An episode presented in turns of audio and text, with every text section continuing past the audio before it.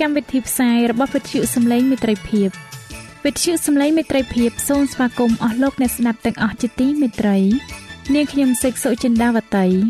ហើយខ្ញុំបាទអង្ចាន់វិជ្ជៈក៏សូមស្វាគមន៍លោកអ្នកស្ដាប់ទាំងអស់ផងដែរនៅពេលនេះយើងខ្ញុំមានសេចក្តីសុំមនស្សរីករាយដោយបានវិលមកជួបអស់លោកអ្នកនាងកញ្ញាអ្នកស្ដាប់សាជាថ្មីម្ដងទៀត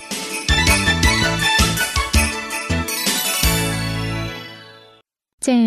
លោកអ្នកស្ដាប់ជាទីមេត្រី នាងខ្ញុំសូមគោរពអញ្ជើញអស់លោកលោកស្រីអ្នកនាងកញ្ញាតាមដានស្ដាប់កម្មវិធីផ្សាយរបស់វិទ្យុយើងខ្ញុំដូចតទៅ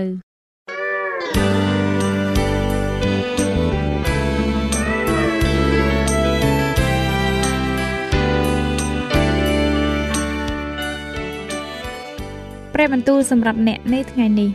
ព្រះគម្ពីររ៉ូមជំពូក12ខ14បានចែងថា ចូលសូមពរឲ្យដល់អ្នកណាដែលបៀតបៀនអ្នក ចូលសូមពរចុះកុំឲ្យប្រតិចដាសាឡើយ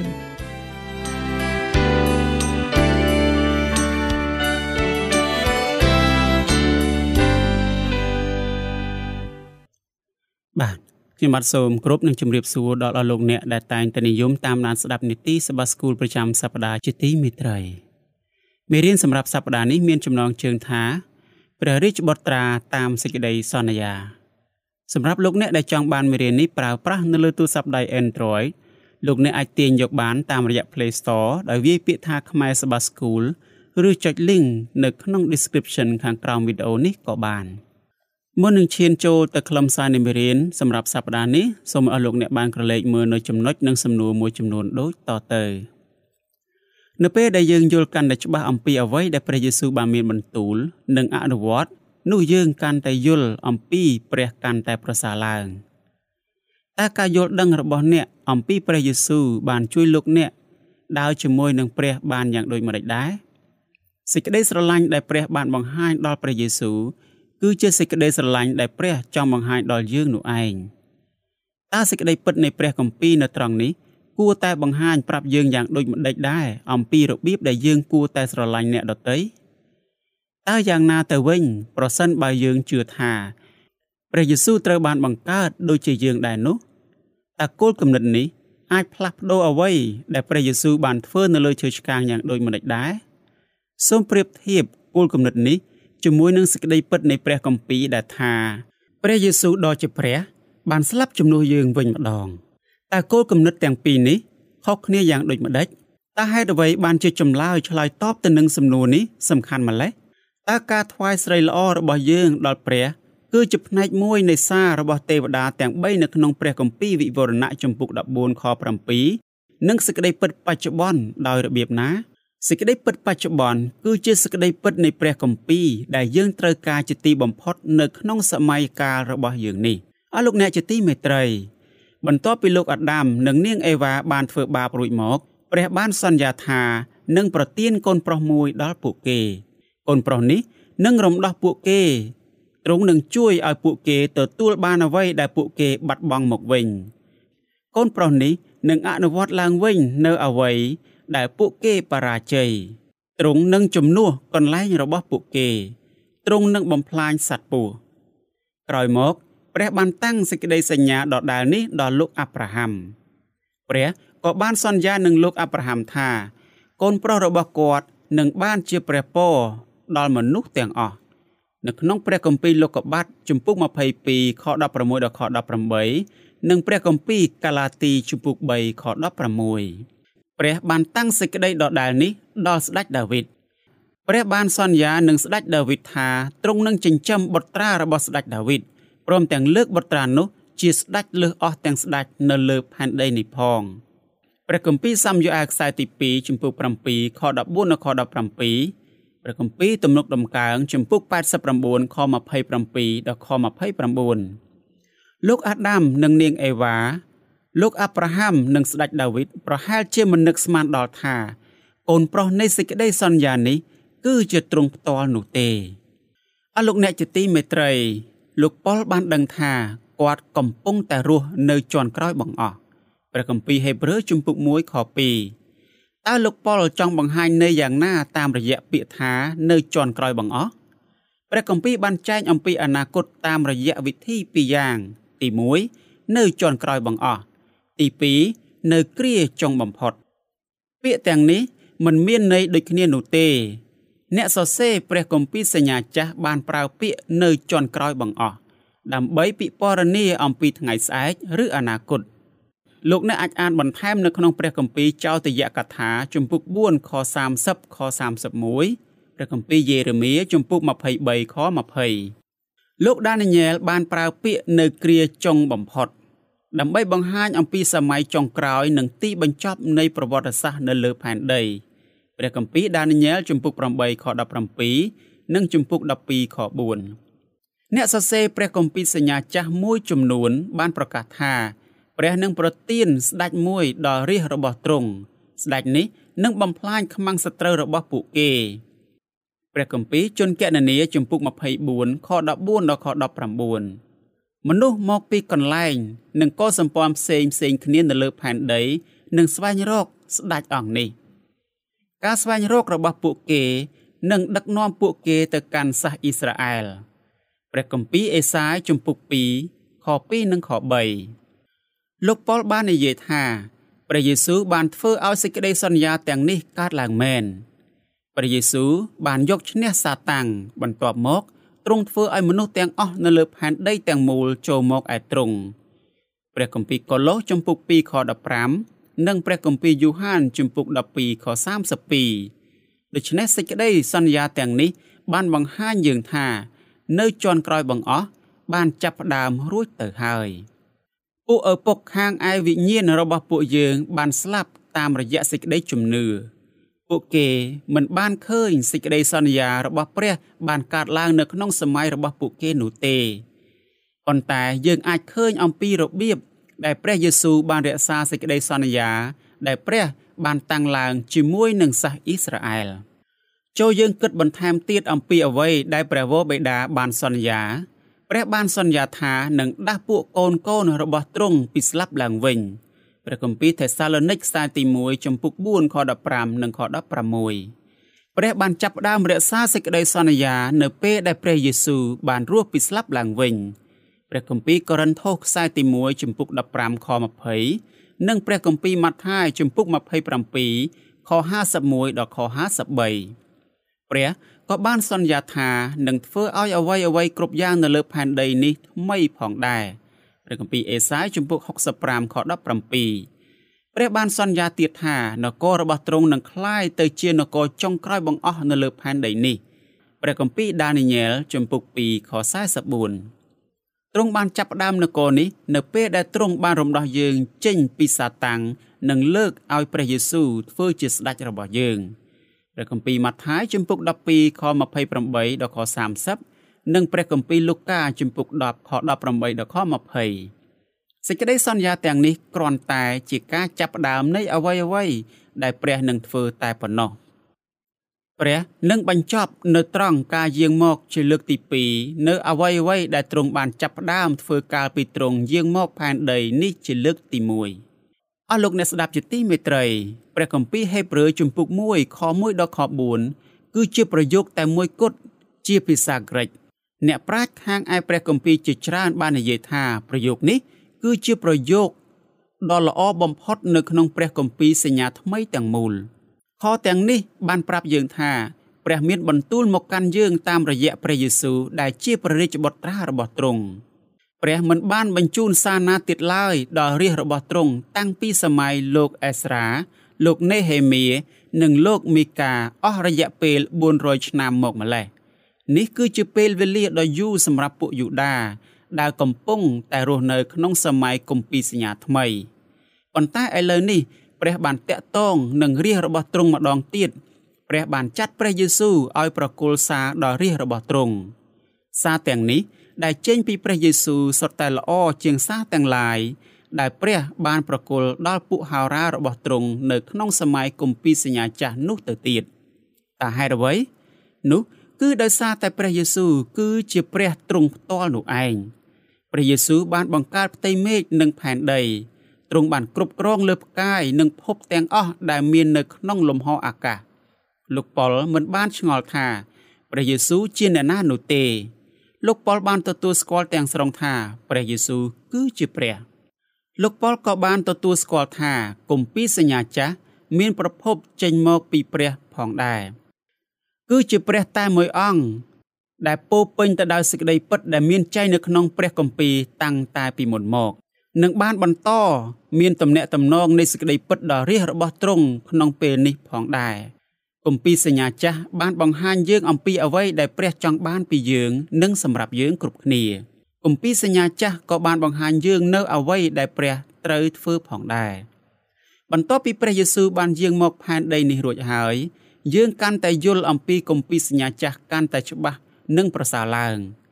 ការយាងមករបស់ទ្រង់អាចធ្វើឲ្យចំណេះដឹងរបស់យើងអំពីព្រះគម្ពីរកាន់តែច្បាស់ឡើងច្បាស់ឡើងជាលំដាប់ ព្រះយេស៊ូវនិងព្រះជន្មរបស់ទ្រង់បានបកស្រាយយ៉ាងច្រើនអំពីគម្ពីរសញ្ញាចាស់ព្រះយេស៊ូវក៏បានយាងមកធ្វើជាព្រះអង្គសង្គ្រោះនិងជាព្រះអង្គ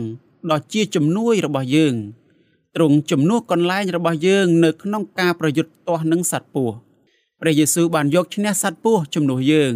លោកប៉ុលបានបង្ហាញយើងថាព្រះយេស៊ូវគឺជាមេដឹកនាំដ៏ល្អឥតខ្ចោះរបស់យើងព្រះយេស៊ូវបានយាងចូលទៅឯព្រះមុនយើង ព្រះវរបិតាចង់ផ្ដល់ឲ្យយើងនៅអ្វីដែលទ្រង់បានផ្ដល់ឲ្យព្រះយេស៊ូវផងដែរទ្រង់បានបង្គាប់ឲ្យព្រះយេស៊ូវគង់នៅខាងស្ដាំទ្រង់ហើយទ្រង់ក៏ចង់ឲ្យយើងអង្គុយជាមួយនឹងព្រះយេស៊ូវនៅលើបល្ល័ង្ករបស់ទ្រង់ផងដែរព្រះគម្ពីរវិវរណៈជំពូក3ខ21សារមកពីព្រះ ដែលព្រះយេស៊ូវបានប្រគល់ឲ្យយើង មិនមែនត្រឹមតែជាសេចក្តីអធិប្បាយនោះទេ សារនេះរួមមានទាំងសេចក្តីសន្យាទៀតផងតើសេចក្តីសន្យាទាំងនោះគឺជាអ្វីសេចក្តីសន្យាទាំងនោះរួមមានអ្វីអ្វីគ្រប់យ៉ាងដែលព្រះបានធ្វើដោយសារព្រះយេស៊ូវនិងសម្រាប់ព្រះយេស៊ូវផងដែរព្រះបានធ្វើអ្វីអ្វីទាំងអស់នេះ ដើម្បីឲ្យយើងបានពរឥឡូវនេះនិងជារៀងរហូតតទៅអស់លោកអ្នកជាទីមេត្រីយោងតាមគម្ពីរសញ្ញាចាស់ស្រីល្អរបស់ព្រះបង្ហាញយើងអំពីរបៀបដែលព្រះតតមើលប្រសែភ្នែករបស់មនុស្សលោកនៅពេលដែលទ្រង់បង្ហាញអង្គទ្រង់ដល់រាជរបស់ទ្រង់ព្រះគម្ពីរនិខមណាំងជំពូក16ខ7ជំពូក24ខ16ដល់ខ17ព្រះគម្ពីរលេវីវិន័យជំពូក9ខ23និងជនកណនីជំពូក14ខ10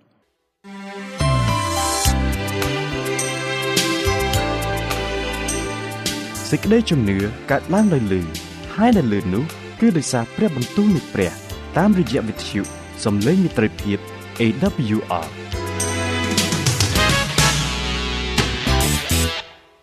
ព្រះ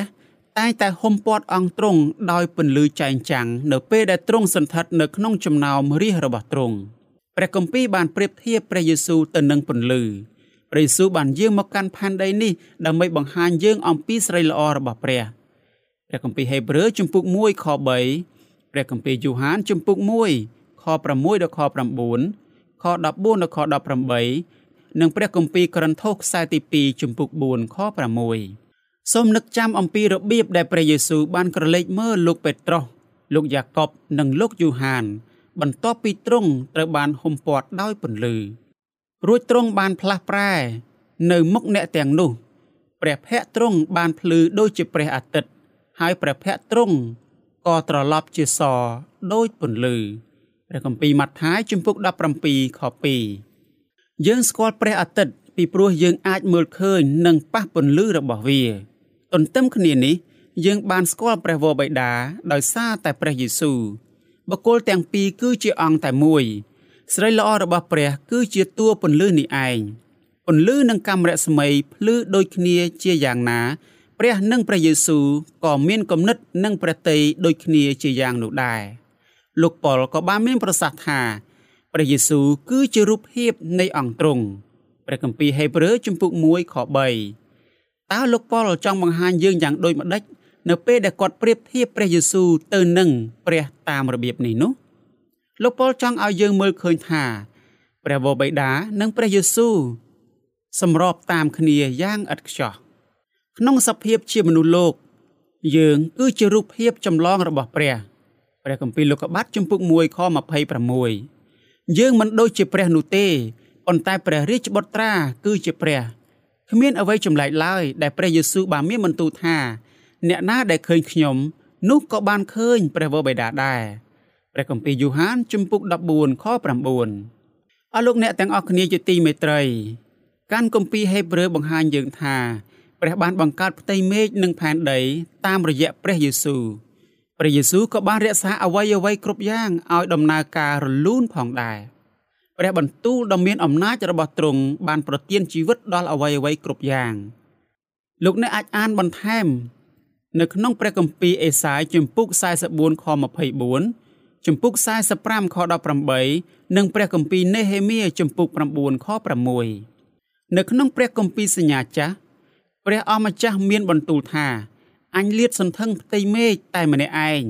ហើយបានក្រាលផែនដីដោយខ្លួនអញព្រះគម្ពីរអេសាយជំពូក44ខ24ព្រះអម្ចាស់ក៏បានមានបន្ទូលថាអញនេះជាយេហូវ៉ាឥតមានព្រះឯណាទៀតឡើយព្រះគម្ពីរអេសាយជំពូក45ខ18ប៉ុន្តែព្រះគម្ពីរសញ្ញាថ្មីបានបង្ហាញប្រាប់យើងថា ព្រះបានជ្រើសរើសព្រះយេស៊ូវដែលជាព្រះរាជបុត្រារបស់ទ្រង់ឲ្យប្រទានអ្វីៗគ្រប់យ៉ាងដល់យើងព្រះព្រមទាំងបង្កើតលោកីដោយសារព្រះរាជបុត្រានោះដែរព្រះគម្ពីរហេព្រើរជំពូក1ខ2និងខ3មនុស្សខ្លះបានគិតថាព្រះយេស៊ូវគ្រាន់តែជាអង្គជំនួសដែលព្រះបានប្រើក្នុងការបង្កើតអ្វីៗគ្រប់យ៉ាងតែប៉ុណ្ណោះគោលគំនិតនេះមិនអាចទៅរួចនោះទេ ចំណុចទី1 លោកប៉ុលបានជឿថាព្រះយេស៊ូវបានបង្កើតផែនដីនិងអ្វីៗគ្រប់យ៉ាង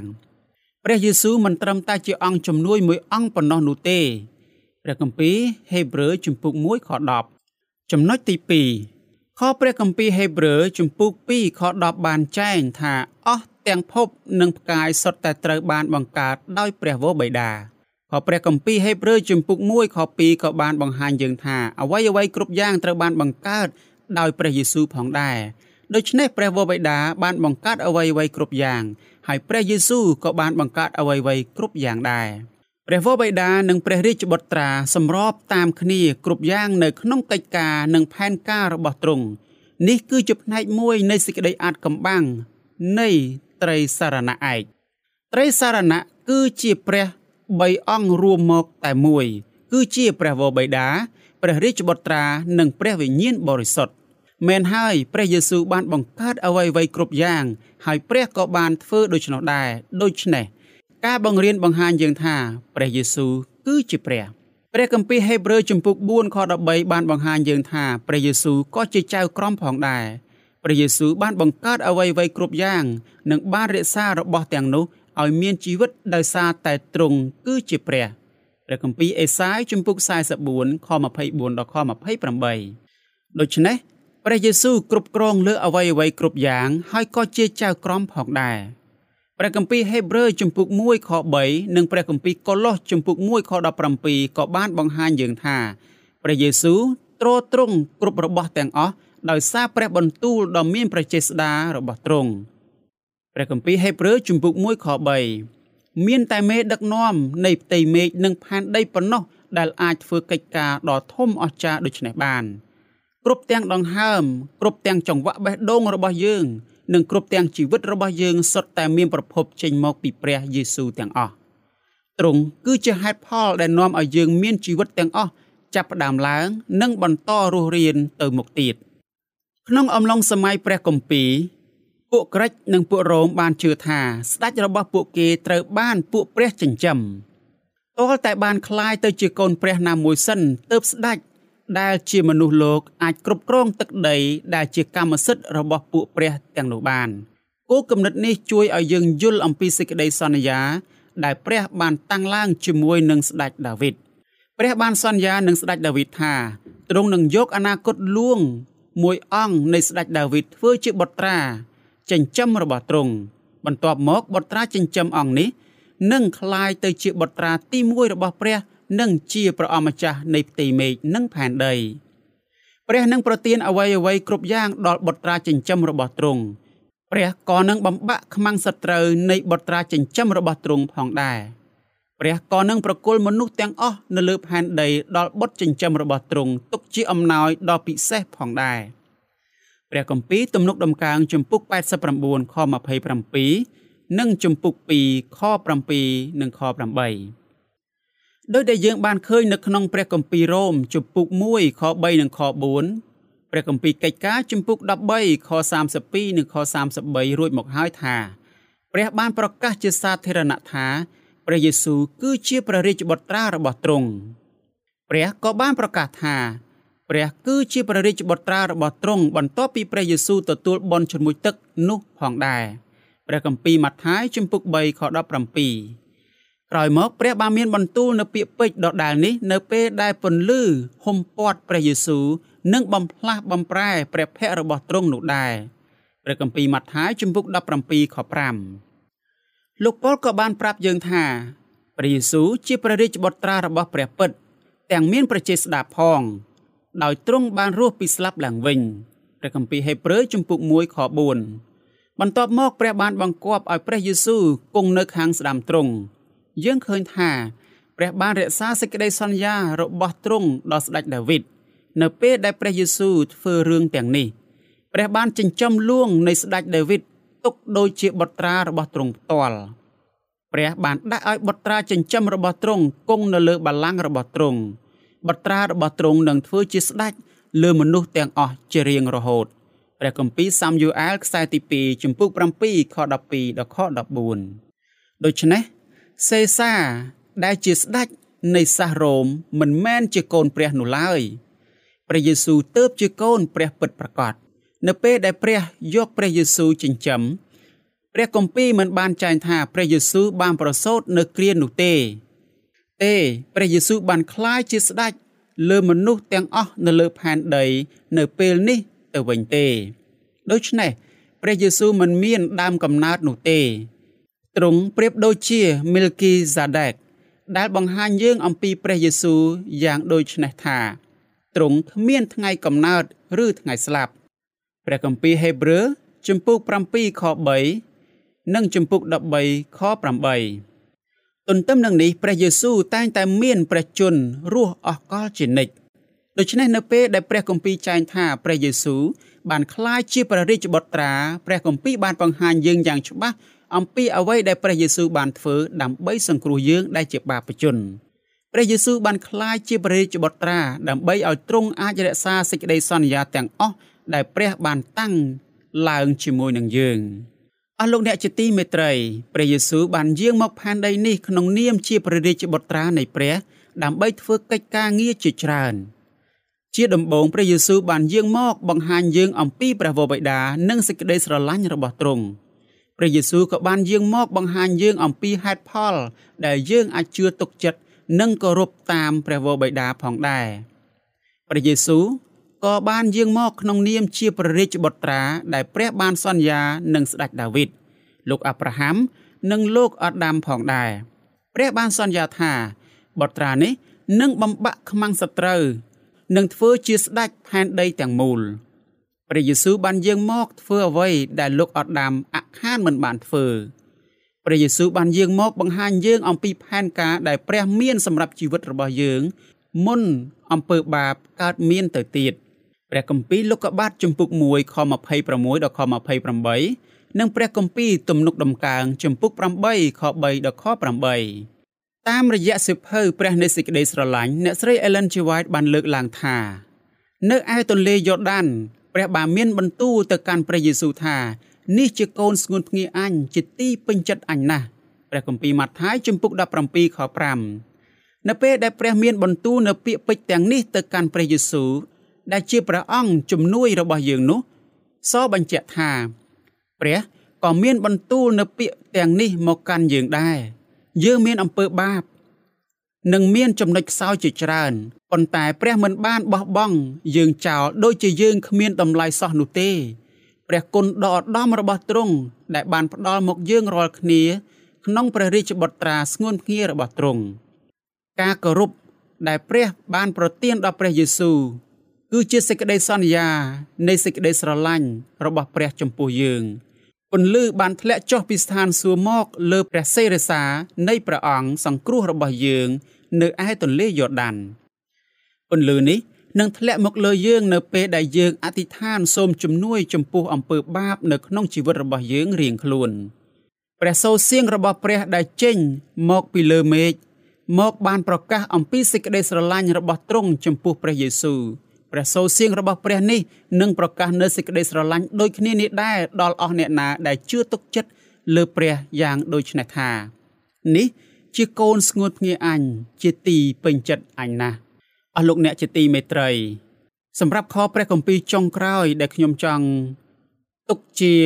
ចំណងដៃជូនអស់លោកអ្នកក្នុងការពិចារណា ដើម្បីជាការលើកទឹកចិត្ត ដើម្បី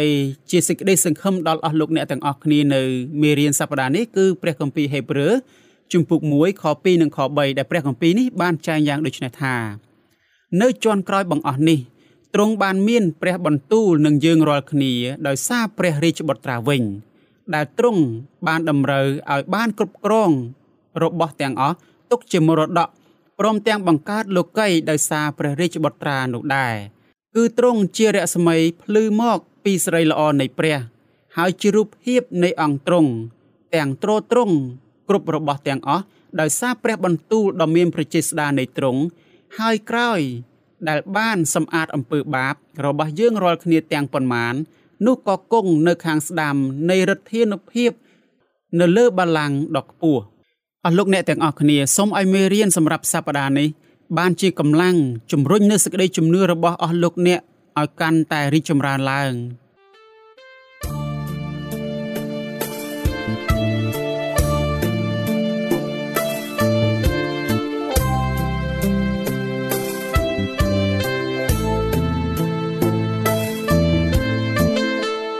បើសិនជាលោកអ្នកមានសំណួរឬសំណុំពរអ្វីសូមតាក់ទងមកការិយាល័យវិទ្យុយើងខ្ញុំតាមអាស័យដ្ឋានផ្ទះលេខ15 ផ្លូវលេខ568សង្កាត់បឹងកក់2ខណ្ឌទួលគោករាជធានីភ្នំពេញលោកអ្នកក៏អាចសរសេរសម្បត្តិផ្ញើមកយើងខ្ញុំ តាមរយៈប្រអប់សម្បត្តិលេខ488ភ្នំពេញឬតាមទូរស័ព្ទលេខ012 34 96 64ឬ097 80 81 060 ឬក៏តាមរយៈអ៊ីមែល vol@awr.org យើងខ្ញុំរងចាំទទួលស្វាគមន៍អស់លោកអ្នកនាងដោយក្តីសោមនស្សរីករាយហើយលោកអ្នកក៏អាចស្ដាប់កម្មវិធីនេះឡើងវិញដោយចូលទៅកាន់ website របស់វិទ្យុយើងខ្ញុំតាមរយៈអាស័យដ្ឋាន www.awr.org